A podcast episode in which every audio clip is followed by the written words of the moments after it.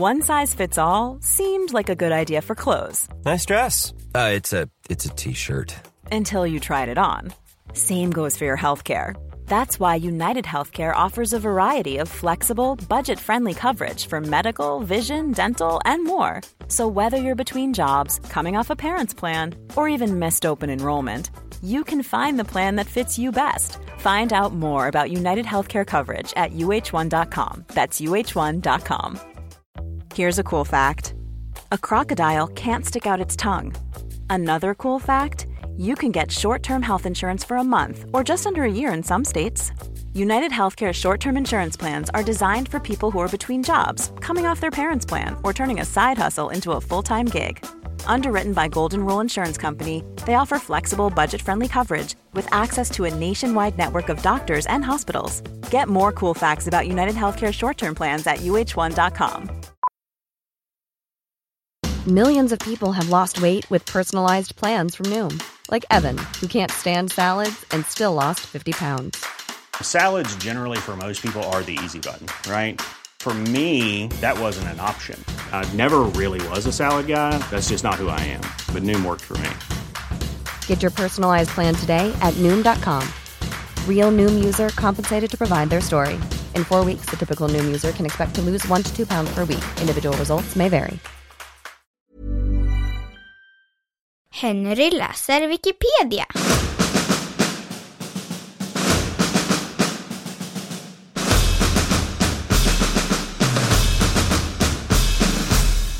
Skandalen i Gijon.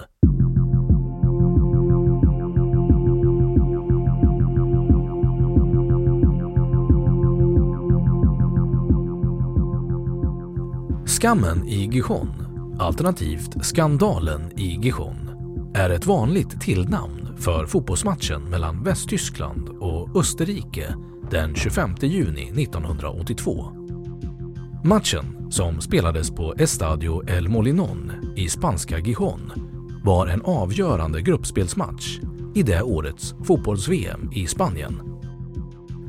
Tillnamnet tillkom på grund av sättet som matchen spelades på och dess konsekvenser.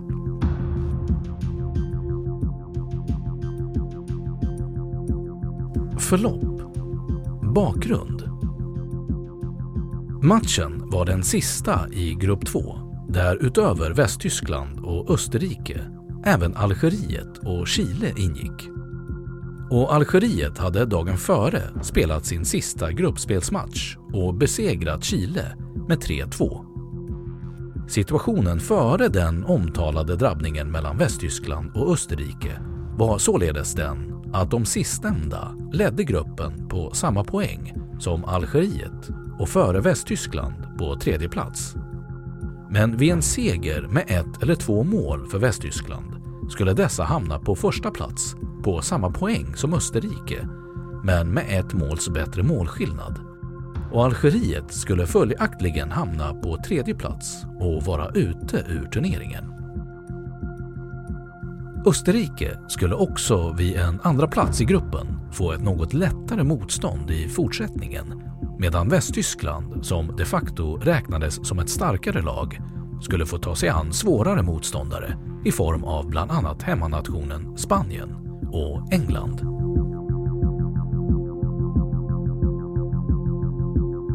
Matchen I tionde minuten gjorde Horst Rubesch 1-0 till Västtyskland och då upphörde all form av konstruktivt spel.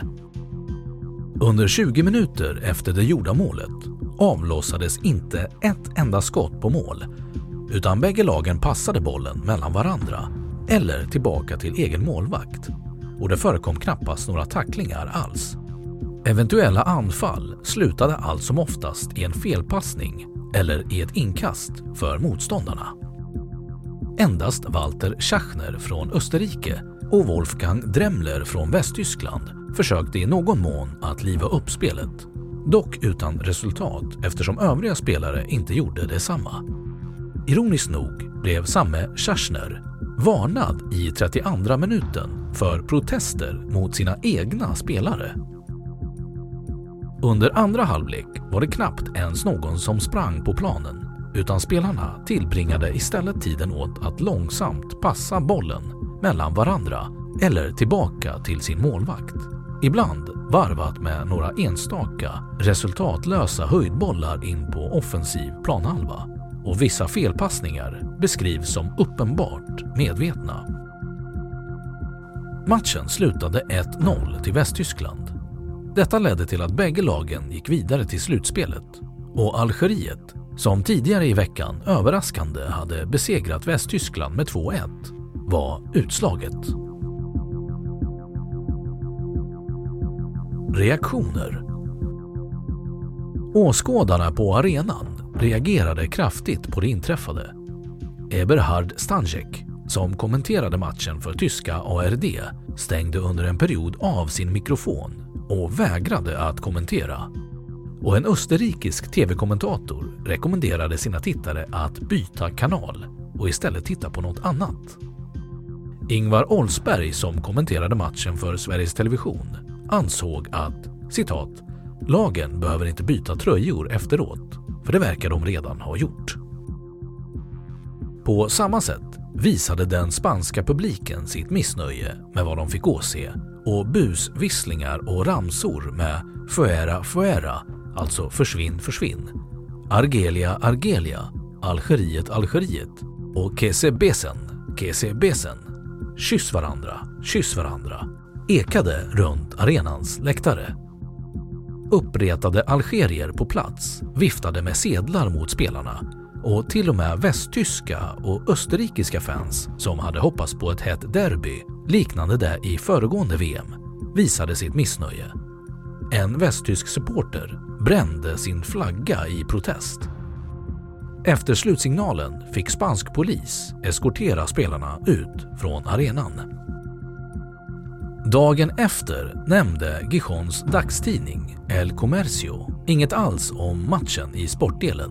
Man skrev istället en artikel under sektionen för begångna brott med rubriken 40 000 personer på El Molinón-stadion bedragna följt av namnen på förbundskaptenerna och de 22 spelarna som misstänkta för bedrägeri.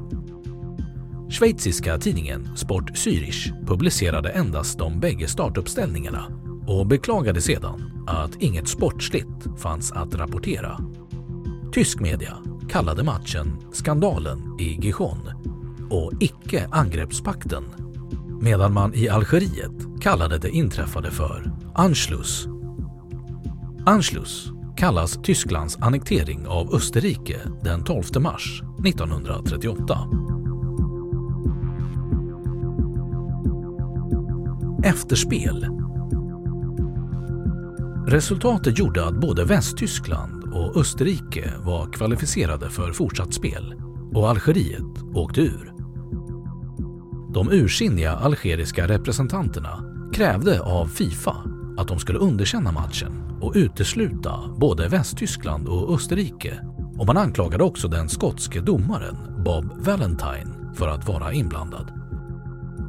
Fifa bedömde dock att eftersom inget regelrätt brott mot Fifas stadgar eller fotbollens regler hade begåtts skulle resultatet gälla och Algeriets och omvärldens protester var förgäves. Dock medförde det inträffade att Fifa ändrade sitt regelverk till att de två sista gruppspelsmatcherna alltid ska spelas samtidigt för att undvika liknande situationer.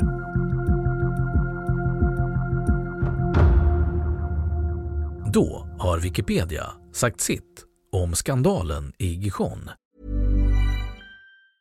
Even when we're on a budget we still deserve nice things. Quince is a place to scoop up stunning high-end goods for 50 to 80% less than similar brands. They have buttery soft cashmere sweaters starting at $50, luxurious Italian leather bags, and so much more. Plus, Quince only works with factories that use safe, ethical, and responsible manufacturing. Get the high-end goods you'll love without the high price tag with Quince. Go to quince.com/style for free shipping and 365-day returns.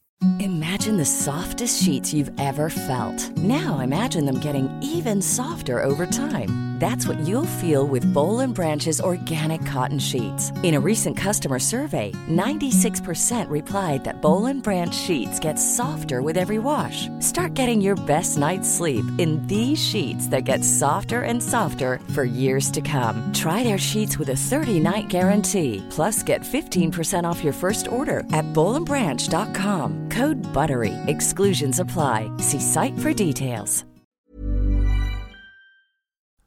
Och nu källhänvisning.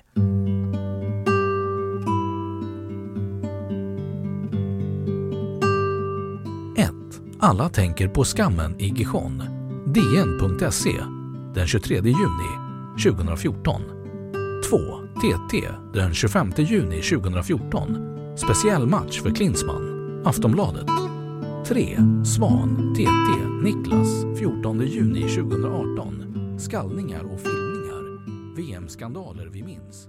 www.folkbladet.se